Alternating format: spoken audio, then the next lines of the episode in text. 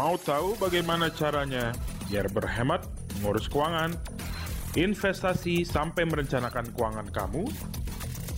Dengerin aja Financial Talk podcast setiap hari Selasa.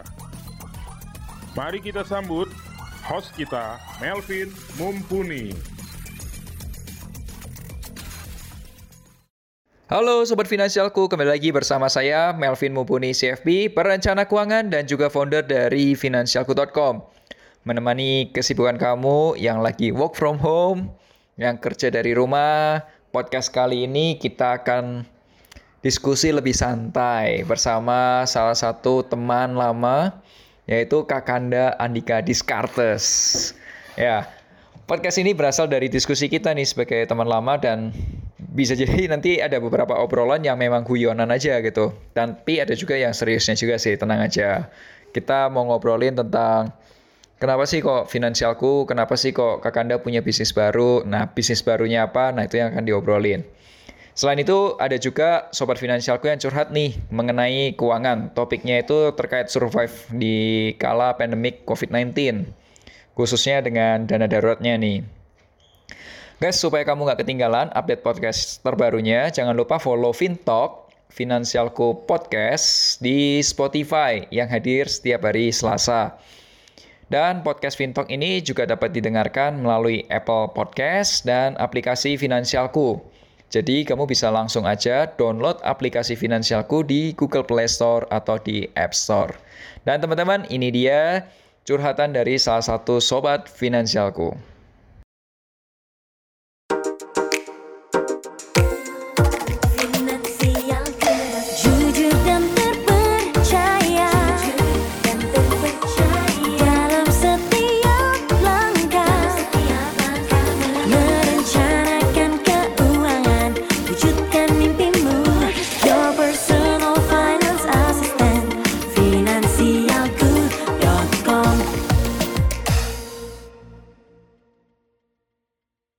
Sebelum bahas lebih detail, Sobat Finansialku dapat mengirimkan pertanyaan atau curhat keuangan melalui fitur konsultasi keuangan di aplikasi Finansialku.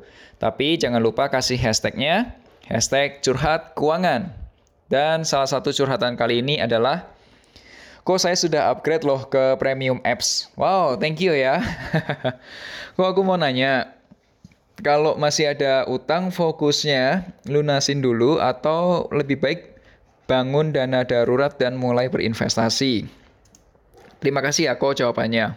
Oh, oke, okay. thank you ya sudah upgrade aplikasi finansialku. Nah, teman-teman, gini, aku mau jawab pertanyaannya sobat finansialku ini karena dia nggak mau disebutin namanya nih. Hashtagnya let me share my view. Dan teman-teman, di finansialku itu kita punya yang namanya piramida perencana keuangan. Ya, kalau misal kamu pengen tahu piramidanya seperti apa, kamu ini aja deh uh, subscribe YouTube channel Finansialku atau juga di Instagramnya Finansialku at finansialku underscore di situ ada kok piramidanya kamu bisa cek atau juga kamu bisa lihat di Google Image ya piramida perencana keuangan gitu. Nah bagian bawah piramida perencana keuangan adalah keamanan keuangan. Yang dimaksud dengan keamanan keuangan ini apa Vin? Yang dimaksud keamanan keuangan itu gini loh kebutuhan kamu dalam jangka waktu satu bulan sampai 12 bulan atau boleh dibilang kebutuhan kamu dalam jangka satu tahun ke depan itu sudah tersedia. Nah, orang yang aman secara keuangan itu cenderung potensi bangkrutnya itu kecil banget karena dia sudah aman. Ciri-cirinya gimana nih? Ciri-cirinya nih ya, cash flow-nya harus positif. Artinya pemasukannya harus lebih besar daripada pengeluaran, itu wajib lah. Terus punya yang namanya dana darurat kondisinya harus cukup nih 6 sampai 12 kali pengeluaran bulanan ya. Terus kamu harus lunasin utang-utang konsumtif kamu. Misal punya pinjaman gadget, pinjaman elektronik, kartu kredit atau uh, nyicil sepatu dan lain sebagainya lah. Itu dilunasin lah ya. Terus yang keempat adalah punya asuransi. Ya, proteksi yang cukup. Nah, pertanyaannya gimana nih kalau sekarang utangnya masih numpuk, itu mendingan lunasin utang dulu atau dana darurat dulu? Sebenarnya keduanya itu sama penting loh, karena dua-duanya itu yaitu lunasin utang dan dana darurat itu di level keamanan keuangan, ya. Levelnya sama. Yang jelas kalau misal belum aman, please jangan investasi dulu. Aman dulu, baru investasi dulu ya. Nah, sebenarnya saya sudah pernah bahas nih di buku Makeup Plan yang versi pertama. Langkah langkah yang harus dilakukan itu adalah keduanya harus dilakukan secara bersamaan. Caranya ya kamu harus nambah income untuk melunasin sebagian utang konsumtifnya sekaligus untuk bangun dana daruratnya.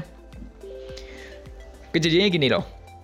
Kamu dengar nggak ya di sosial media itu ada orang dengan income 80 juta, kemudian ada COVID-19, dia unpaid leave. Unpaid leave itu artinya cuti tapi nggak digaji gitu ya. Orang tersebut langsung goyang secara keuangannya, maksudnya keuangan keluarganya dan jadi viral gitu ya. Itu kondisinya kok bisa gitu sih? Ya karena gini, dari tahun lalu atau tahun sebelum-sebelumnya orang yang bersangkutan itu punya utang gede. Terus dia mengandalkan bayar cicilannya cuma dari income-nya aja, dari gajinya aja. Nah, tiba-tiba ketika terjadi unpaid leave, dan dia nggak punya dana cadangan, nggak punya dana darurat, income-nya sebagian hilang atau mungkin hilang seluruhnya, terus gimana nih bayar cicilan? Uang dari mana buat bayar cicilannya? Ya masa harus utang lagi? Nah kalau utang lagi, lah itu kapan beres utang yang lamanya? Ya, yang lama aja belum beres udah ambil utang baru lagi, gara-gara nggak punya dana darurat. Nah maka itu dana darurat harus ada dan harus diusahakan. Meskipun kamu sekarang ini lagi fokus buat ngelunasin pinjaman, kamu harus pikirin gimana dana darurat harus tetap ada. Oke, semoga penjelasan saya dapat bermanfaat dan membantu kamu ya. Buat sobat finansialku, para pendengar podcast Fintalk, jika kalian mengalami kegalauan nih mengenai keuangan, investasi, asuransi, atau apa pun lah, kamu boleh curhat kok ke podcastnya Finansialku. Atau kamu bisa juga curhat nanti live setiap hari Jumat, itu ada YouTube uh, namanya webinar Make a Plan ya. Bersama saya Melvin Mumpuni di YouTube channel Finansialku. Kamu boleh curhat ya. Caranya gampang banget. Kalau kamu mau curhat juga, mau kirim pertanyaan juga boleh. Uh, download aplikasi Finansialku di Google Play Store untuk pengguna Android dan App Store untuk pengguna iOS. Terus langsung aja ke menu konsultasi keuangan. Tapi jangan lupa kasih hashtagnya curhat keuangan. Dan supaya kamu tetap update dengan informasi yang terbaru, bisa jadi dalam bentuk gambar, video, IGTV, infografis, dan lain sebagainya. Kamu bisa follow Instagramnya at atau at melvin. Oh ya guys, saya juga punya program khusus namanya Melek Finansial bersama Melvin Mumpuni di YouTube channel finansialku.com. Videonya akan tayang setiap hari Rabu. Yes, besok ya. Jadi jangan lupa subscribe YouTube channel finansialku.com supaya teman-teman tetap update dan langsung aja kita akan bahas obrolannya bersama Kakanda Andika Diskartes. So, stay tune.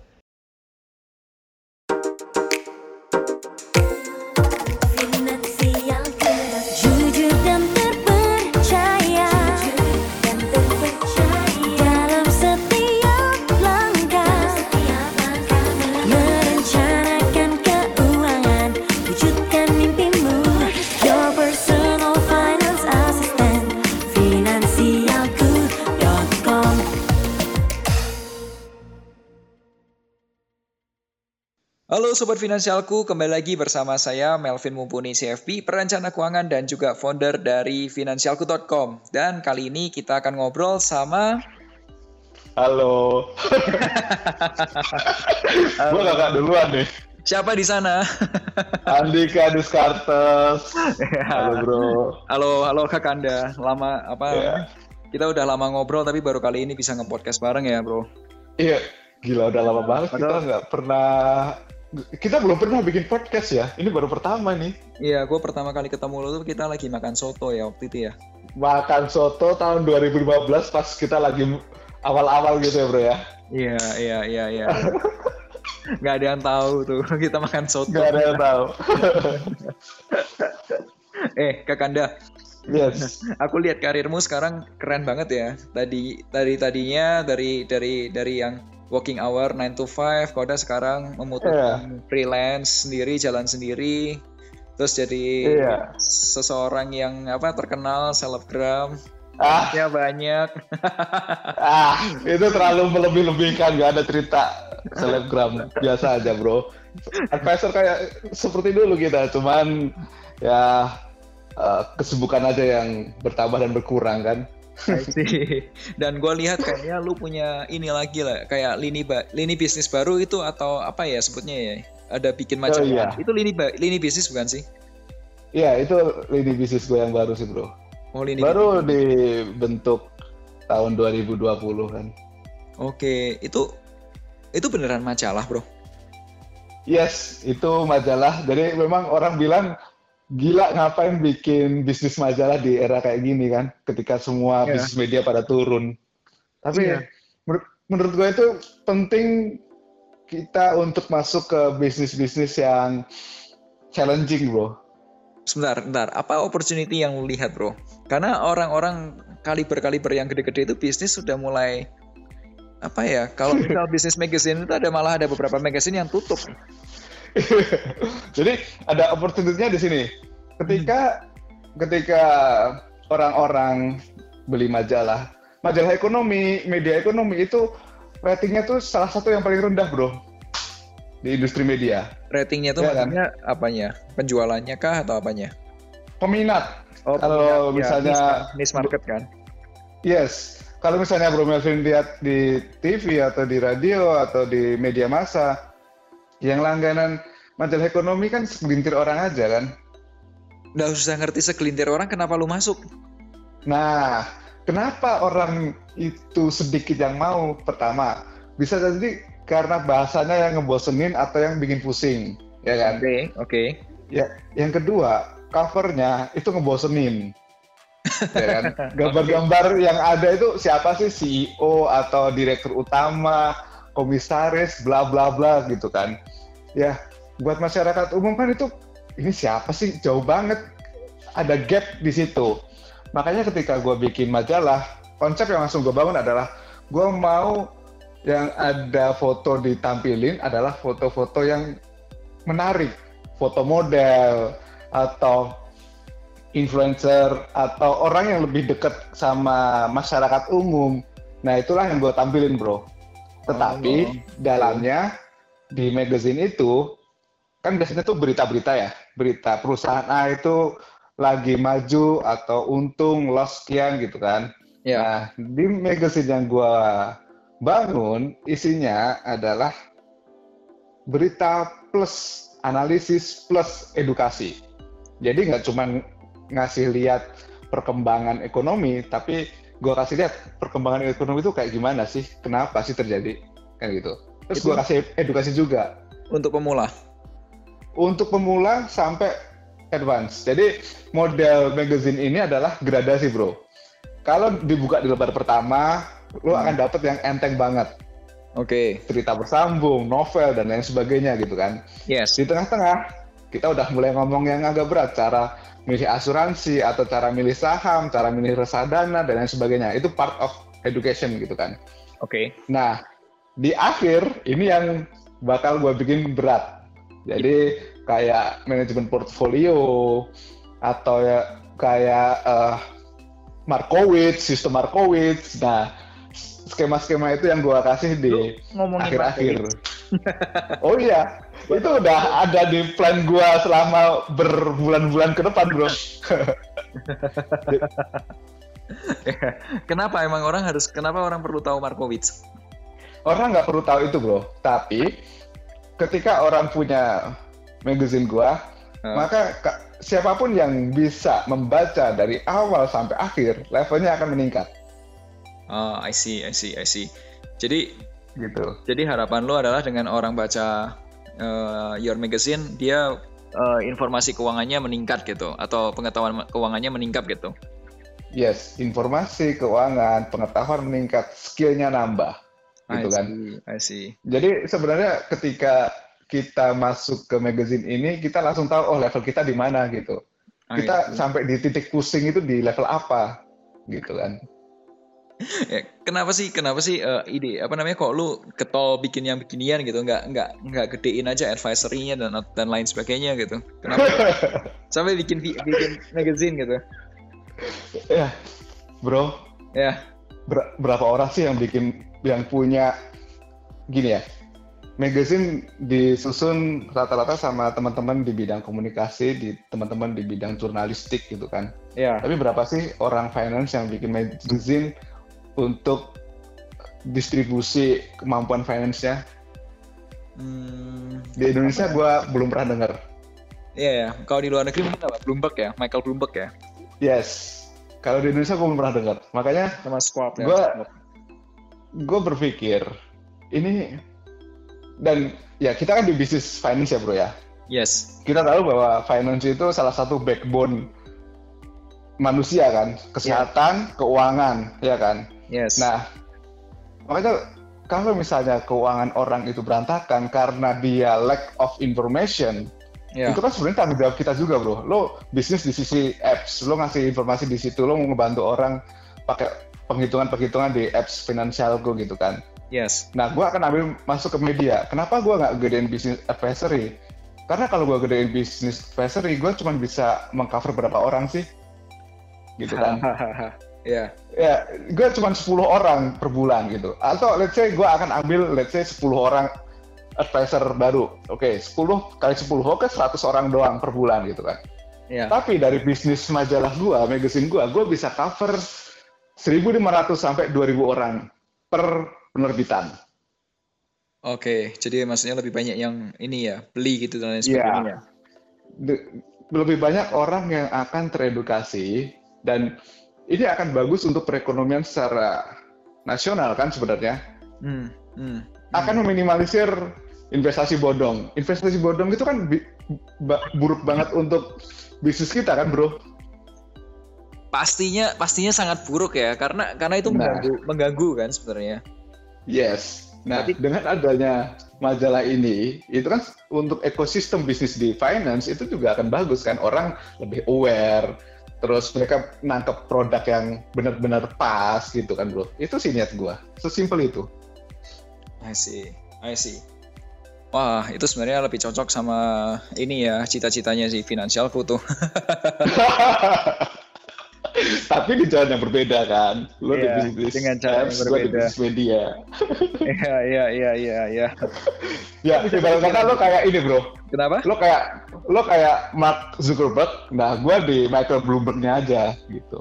Lo Ah. lebih kaya daripada gua contohnya. Kok gue kayak kayak Max Zuckerberg gimana, bro? Ya kan lu main di apps gitu kan, gua main di media gitu. Bloomberg juga main media, eh main apps juga, bro.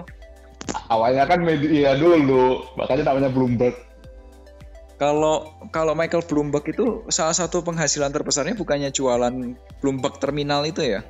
Yes, Bloomberg Terminal yang support ke company-company itu luar biasa mahal, Ya, luar biasa sih itu. ya. Gua rasa uangannya dia gedenya dari situ ya, tapi coba deh nanti. Sekarang ya, sekarang ya, analisisnya dia analisis uh, Bloomberg Terminal, betul. Oh, I see, I see, I see. Lu juga langganan, bro? Gua nggak langganan terminalnya, cuman gua langganan Bloombergnya. Oh, oke, oke. Untuk baca ri- apa ini ya, report report Iya, yang terbarunya lu ya. Baca reportnya bulan hariannya, sekalian gua pelajarin bisnis dia kayak gimana sih, kan gitu. I see, I see, I see. Menarik banget nih. nah, kalau lu ke depan rencananya mau gimana, eh, Kak Kanda? Nah, to be honest sih, gue masih akan fokus untuk gedein value ini karena ini masih baby kan, Yes. masih baru lima bulan. Kemudian dari Oke. value ini, gue akan bikin masih di company yang sama, di company value akan bikin akademi bro. Akademi. Akademi yes, akademi untuk teman-teman yang secara keuangan sehat dia bisa masuk ke akademi. Goals dari akademi itu adalah untuk membantu sekelilingnya. Jadi once dia lulus dari akademi dia bisa ngurusin uangnya keluarganya atau ngurusin uangnya eh, temennya, tapi lingkupnya nggak panjang, hanya sekelilingnya saja, gitu bro. Oh, ya jadi- kayak Jadi satu sehat menyehatkan yang lain gitu ya? Betul, tapi tapi bukan untuk semua orang ya. Hmm. Orang yang jadi kan sekarang gue lagi bikin ini bro, new skill namanya. Itu Apa? kayak kayak pra akademi gitu, pra akademi. Jadi di new skill ini orang akan gue ajarin basic cara ngitung rasio-rasio keuangan, Eh, gitu Lu- kan. lu nggak usah ajarin. Eh, Kenapa bro? Pakai aja aplikasi. Ya itu bisa juga, maksud gue gue gue ajarin. Udah itu buat apa gitu loh. ya, jadi jadi eh, jadi nggak usah diajarin, nggak usah diajarin apa namanya ngitungnya. Jadi nanti kalau misal udah tinggal pakai aja. Iya sama. ya bisa bisa pakai aplikasi. I mean inti dari misalnya ya DSR itu buat apa sih? Oh ngitung utang. Jadi utang kamu artinya kayak gini nah. Kayak gitu lebih ke konsep bukan nggak hitung-hitungan. Ya mau Ya. pakai aplikasi mau pakai mau pakai Excel juga bisa. Ya. Tapi gua ajarin rasio-rasio kayak gitu. Terus gua ajarin basic banget soal investasi karena ternyata masih banyak yang belum ngerti. Nah, nanti di akademi harapan gua adalah orang selain dirinya udah sehat secara keuangan, terus dia udah ngerti basic. Nah, ketika lulus dari akademi ini bisa ngebantu sekelilingnya tapi lingkup yang kecil gitu, bro. I see, I see. Wow, oke, menularkan ke yang lain ke yang lain ya. Ya karena Menarik. kita nggak bisa tenaga kita tuh sedikit, men. Ya, Ya kan tenaga kita sedikit, kita nggak bisa eh, berbuat banyak kalau nggak mengkopikan itu ke orang-orang kan. yes, emang harus ada Nah, ntar- konsep konsep yang harus dikopiin ke orang lain sih. Eh, Benar, benar. Makanya ntar gue juga minta bantuan dari timnya Melvin nih kayaknya nih. eh, Oke, oke, oke, menarik nih. ya, Kakanda, kayak kayak perlu perlu apa namanya? Ini Kakanda, gua tuh karena lu ngomongin tentang tentang akademi dan lain sebagainya ya, gua tuh punya concern adalah eh kalau lu mempelajari keuangan dalam ya Yes. banyak ilmu-ilmu keuangan yang dipakai di Indonesia semacam kayak rasio keuangan dan lain sebagainya itu kondisi idealnya itu ngikut Amerika punya Yes, benar. cuman terjemahin bahasa Inggris ke bahasa Indonesia Hmm, konteksnya nggak dipelajari gitu kenapa misalnya benar. kayak kayak eh, emergency fund gitu konteksnya Yes. konteksnya emergency fundnya orang Amerika diterjemahin ke bahasa Indonesia jadi dana darurat angkanya copy paste Bener banget. Inilah yang berbahaya, men. Ini berbahaya banget. Iya, iya, iya, iya. Jadi dia nggak mempelajari konteksnya, perubahannya kayak apa gitu. Dan Benar. eh, dinamikanya ya atau apa ya namanya manusianya ya, orang Indonesia itu seperti apa gitu. Itu itu nggak Iya. di nggak di nggak dipelajari dulu, tapi copy paste aja ilmunya. Itu jadi Iya. concern banget loh buat buat buat gua. Terus kemudian kalau lu riset jauh ya, riset jauh banget Hmm. tentang industri kayak misal kayak kenapa kok industri financial planning itu ada gitu. Ya, Hmm. somehow banyak banget pertanyaan-pertanyaan itu tuh yang eh, menggelitik untuk dipertanyakan lagi gitu. Asik, menggelitik. Kayak menggelitik kayak kayak kayak segala sesuatu yang kelihatan orang lihat orang lihat benar itu tuh is it is it true is it is it truly true gitu maksudnya apakah benar gitu yang yang orang-orang bicara misal investasi jangka panjang aman is it true Hmm. terus high risk high Hmm. return low risk low return is it true Hmm. kayak ya gitu gitulah kalau udah Iya, eh, iya. apa start with your uh, risk profiling is it true Yes. nah itu Benar. itu itu tuh apa namanya ketika gua belajar tentang keuangan waktu dulu ya gua uh, Sitan tuh gua akan gua akan mempertanyakan hal-hal basic yang yang yang yang orang bilang semua tuh benar gitu Iya, memang harus gitu. Kita harus pertanyakan. Terus? ya ya itu menarik banget gitu karena makanya kadang-kadang my prinsip bisa jadi nggak cocok dengan cara-cara seperti yang itu gitu nah makanya gue pengen sebenarnya gue pengen eh, apa namanya once kita ada waktu nanti kita ngobrol tentang hal-hal yang seperti itu ya yang basic gitu Oh iya, tahu kita justru bisa kita kita harus ngobrol yang basic karena selama ini terlalu ngobrol yang advance nih kalau kita ketemu kan. Iyalah. ya siapa tahu kita bisa membuat materi atau apa ya ke kesepemahaman gitu. Jadi eh, karena gue lihat sekarang kan semua orang yang punya Instagram boleh ngomongin tentang keuangan kan? karena kan itu kan Iya. kayak your diary book gitu. Kamu boleh nulis apa pun itu gitu. Iya, Ya makanya benar, benar. makanya ya itulah eh, jadi concern gitu kok beda-beda ya yang terima yang terima nanti juga mikir bingung kan eh kata si A ini kata si B ini kata si C ini gitu Iya, iya, iya. ya Sebenarnya ya gimana karena yang yang sering muncul di permukaan itu kan hasil akhir gitu kan. uh. benar kayak yang kata lo bilang bahwa konsep pembentukan hasil akhir itu jarang disampaikan di publik. Konsep dalam kondisi apa, gitu kan?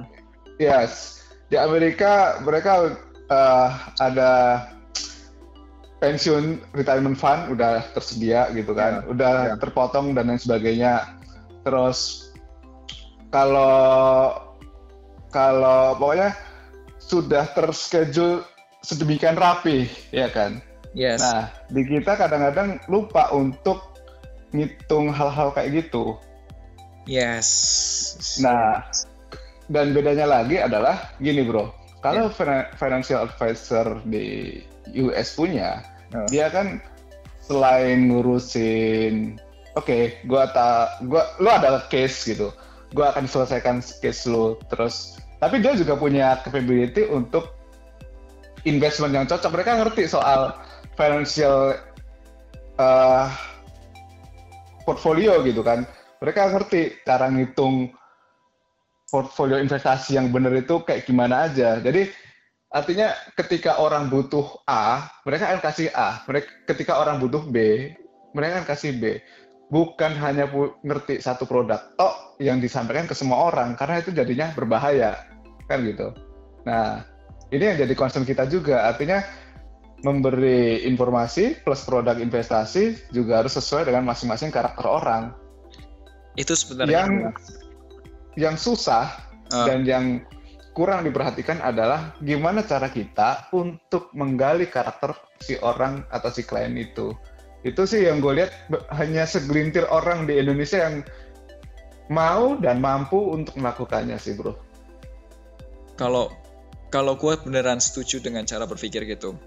Jadi sebenarnya yeah, uh, hmm. kenapa gue nggak milih kerja di bank aja gitu atau di satu perusahaan uh, keuangan aja gitu ya? Kenapa repot-repot yeah. bikin finansialku ngabisin waktu banyak gitu kan? ya yeah. karena gue pengen gue pengennya itu sebenarnya gini. Uh, ketika ketika emang ngomongin produk keuangan, gue pengen produknya itu beneran ya produknya itu yang beneran membantu aja gitu. Kalau misal katakanlah produk A, produk A cocok buat hmm. gua, tapi belum tentu cocok hmm. buat orang lain. Yes, exactly. Nah, itulah itulah yang jadi kenapa gua kenapa akhirnya gua mempromot kayak uh, apa my professional gitu, my profesi kayak CFP gitu. Karena etika nomor hmm. satu uh, Kakanda, etika nomor satunya itu adalah client first. Hmm. Ya, itu dibentuk client first. Jadi bukan karena komisi, tapi karena yang penting kebutuhan klien dulu. Nah, itu yang membuat gua okay. cocok. Karena okay di awal karir gue, gue jualan produk dulu. Yang penting komisi dulu. Waktu gue pertama kali uh, masuk di apa dunia profesional kerja kerja di bank, nah itu gue ngertinya. Yang penting uh, targetnya ini jual ya jual gitu. Hmm. Cocok nggak cocok jualin aja gitu. Tapi yeah. cara gitu nggak nggak nggak sesuai dengan hati, nggak sesuai dengan hati yeah. kerjanya. Gitu. Oke. Okay. justru ya justru yang gua gua yang justru yang gua yang gua hindari itu adalah uh, gini financial advisor jangan cuma jago jualan, tapi hmm. juga harus tahu ketika dia beneran giving advice itu tuh advice-nya tuh sesuai dengan capability-nya dia dengan apa ya soal aku bilang kok financial planner CFP pun tidak harus tahu semua misal ya semua produk asuransi hmm. gitu atau semua investasi hmm. harus dikuasai gitu enggak kamu yeah. boleh kok spesialisasi satu produk gitu misal katakanlah kamu memang spesialis untuk case dana pendidikan Terus kalau hmm. kamu memang spesialis untuk produk tertentu, nggak apa-apa karena karena ketika kita ketika kita ngerjain pun kayak dokter spesialis pun kan ada dokter spesialis A, dokter spesialis B, dokter spesialis C. Ya, ya nggak apa-apa. Ilmu generalnya kan kalau mau dokter spesialis apa pun kan harus dari dokter dulu, bro. Baru boleh dokter yeah. spesialis. Nggak boleh yang namanya langsung S1-nya langsung dokter spesialis gitu kan nggak boleh. Makanya dokter spesialis pasti jenjangnya itu S2 kan. Iya, yeah, yeah.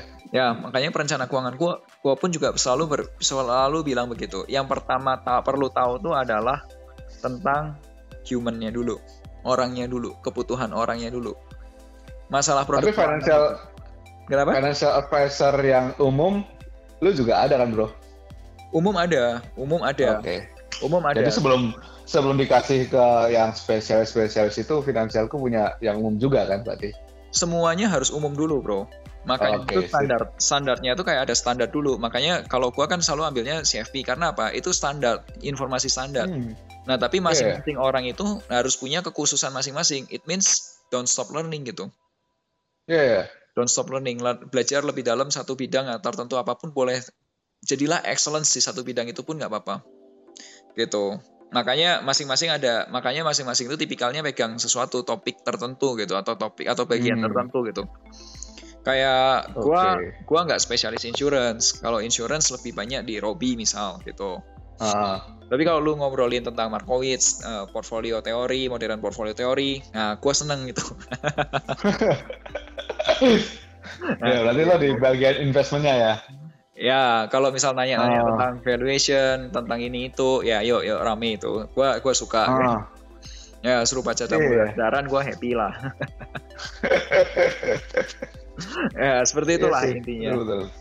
Iya, Ya. betul, betul. Cuman cuman gue pengennya supaya finance itu tuh ya menurut gue ya gue setuju sih dengan cara lu. Kalau dengan cara lu tuh kan eh, akademi itu satu orang akan berbagi misal ke teman-temannya sendiri gitu kan. Iya, Karena satu ah, orang bisa menyelamatkan lima orang gitu kan. betul. betul. Yes. Cara yang sama gue juga sudah sudah kepikiran eh, cara apa ide-ide seperti itu waktu gue bikin tesis. Makanya itu bikin finansialku bro. That's good. Ya, karena yang dipikirin adalah gimana caranya solusinya itu bisa eh, kan tagline-nya finansialku your personal finance assistant kan. Ah, Nah, nah eh, mungkin pada saat gua memulai teknologinya belum gua belum kepikiran gitu teknologi apa yang diperlukan gitu. Tapi semakin adanya teknologi kan bertumbuh bro dari tahun 2013, 14, 15, 16, 17 sampai 2000 kan eh, teknologi terus bertumbuh. iya. Eh, Dan lo jadi sekarang ya, tumbuh Ya. besar seperti sekarang ya. ya, artificial intelligence-nya, terus kemudian analytics-nya dan lain sebagainya dan ini itunya kan bertumbuh terus. Bahasa pemrogramannya, keamanan datanya itu di dunia kan bertumbuh terus kan. Nah, yang dulu gua pikirin terus belum ketemu caranya, sekarang itu tuh sudah kepikiran, sudah ketemu caranya. One step ahead. Apa tuh bro? Your personal finance assistant itu akan hap- happen. Wah, keren tuh. Ya. Kita mau ngomongin itu. iya, kita ngelantur jadinya. ya ngelantur kita. ya udah Ya udah nggak kembali. apa-apa. So harapan lu dengan dengan IMAX apa nih? Eh, sorry IMAX atau apa sih sebutnya e-magazine, value max atau Iya, apa? e- e-magazine bro, e-magazine value. Oke, e-magazine value. Oke. Harapan lu adalah Iya, harapan gue sebenarnya nggak muluk bro. Yang Hmm. penting value itu bisa dari Aceh sampai Papua. Ke seluruh Bisa lah. Indonesia. bisa lah orang-orang lu e- e-value kok apa namanya e-magazine kok. Ya pasti bisa lah. Iya. Nggak ada, Iya, nggak ada makanya. distribusi biaya distribusi kan. Nggak ada biaya distribusi. Ya gue harap orang-orang yang di Instagram, yang di website bisa reach semua ke value gitu kan. Terus ya dapat value-nya. Makanya gue pakai nama value itu kan. Ya itu dapat nilai-nilai yang ada di dalamnya. Doanya. Value bro. Ya. Ya, karena kenapa harus beli ya? Karena ada value-nya. Iya, karena ada value-nya. gua gua ke- nggak pikir panjang-panjang ketika gua tentuin uh, magazine ini, Bro. ya. Gua kepikiran pengen ngasih bring sesuatu, bring value ke orang. Ya udah, jadilah value itu. I see, I see. Luar biasa. Langsung gua kontak uh, orang yang buat biasa buat logo buat gua, gua kontak terus bikin nama fontnya itu khusus gua pesen. Wes, Terus langsung- men. Iya, fontnya itu pesen, Bro. Nggak ada yang nyamain. Meskipun Wah. kayak gitu doang kelihatannya, Niat, tapi nggak ada yang namain. niat. Nah, terus gue minta tim yang disetujui tim branding gue untuk Bikin. bikin ya bikin photo session, out, bikin outline, layout. Gitu. Eksekusinya rapi sih, bagus sih. Hebat, hebat. Thanks man. Eh, Kakanda, ini kita udah di akhir podcast karena ini udah 27 menit, kita nggak kerasa nih. Wow. Ya, Iya. ini kalau ditambahin kanan kiri bisa satu jam kita nanti editingnya. Thanks man. Kira-kira apa nih eh, apa yang lu mau obrolin di di akhir podcast ini atau wejangan apa terutama buat pendengar eh, podcast ini? Bukan berjalan sih bro ya, cuman eh, sharing aja. Hmm. Jadi teman-teman pendengar podcast finansialku, hmm. silakan berterima kasih kepada Melvin Mumpuni karena udah bikin aplikasi yang memudahkan teman-teman dalam berkalkulasi keuangan. Ya. Harapan gue sih sebenarnya entah itu lewat gua, lewat value gua atau lewat finansial punya Melvin atau lewat financial advisor lainnya harapan gue orang-orang udah bisa mandiri secara keuangan. Jadi ketika orang mandiri secara keuangan, sebenarnya itu membantu banget Indonesia secara keseluruhan. Gue, gua Melvin dan teman-teman lain gak akan rugi kalau misalnya orang-orang itu mandiri secara keuangan. Karena bisnis akan bertumbuh, berkembang terus-terusan, gitu ya, Vin ya. Iya, karena Jadi, karena duitnya pasti lebih banyak kalau mereka seperti Yes, benar. Jadi itu sih bro yang gue harapkan dengan adanya kita create something, orang-orang makin tumbuh dan makin sehat dompetnya. Wah, luar itu biasa. Oke okay, guys, itu sudah di akhir podcastnya. Thank you buat Kak Kanda for you, this session. Dan teman-teman jangan lupa non dengerin podcast berikutnya di episode berikutnya FinTalk, Financial Good Talk. So teman-teman, akhir kata, make a plan and get your financial dreams come true. Bye-bye. Bye-bye.